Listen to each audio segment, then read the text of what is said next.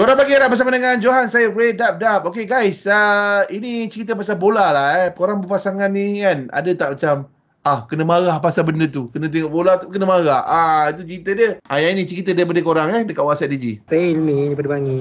Cerita gaduh dengan couple pasal bola ni memang dah banyak sangat kali berlaku. Girlfriend saya ni jenis kaki bola. Semua benda dia ambil.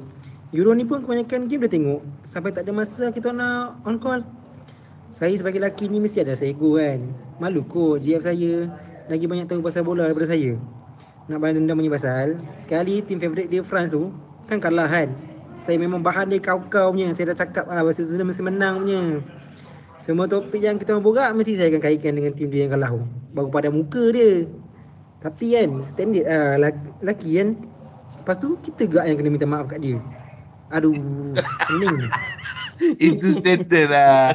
Kau marah macam mana pun kau tetap akan kena maaf dengan dia juga. Walaupun kau menang, kau tetap kalah. Ah macam tu. Ah itulah. Dia tak ada istilah menang lah dalam berkapal dengan perempuan ni kan. Memang tak ada.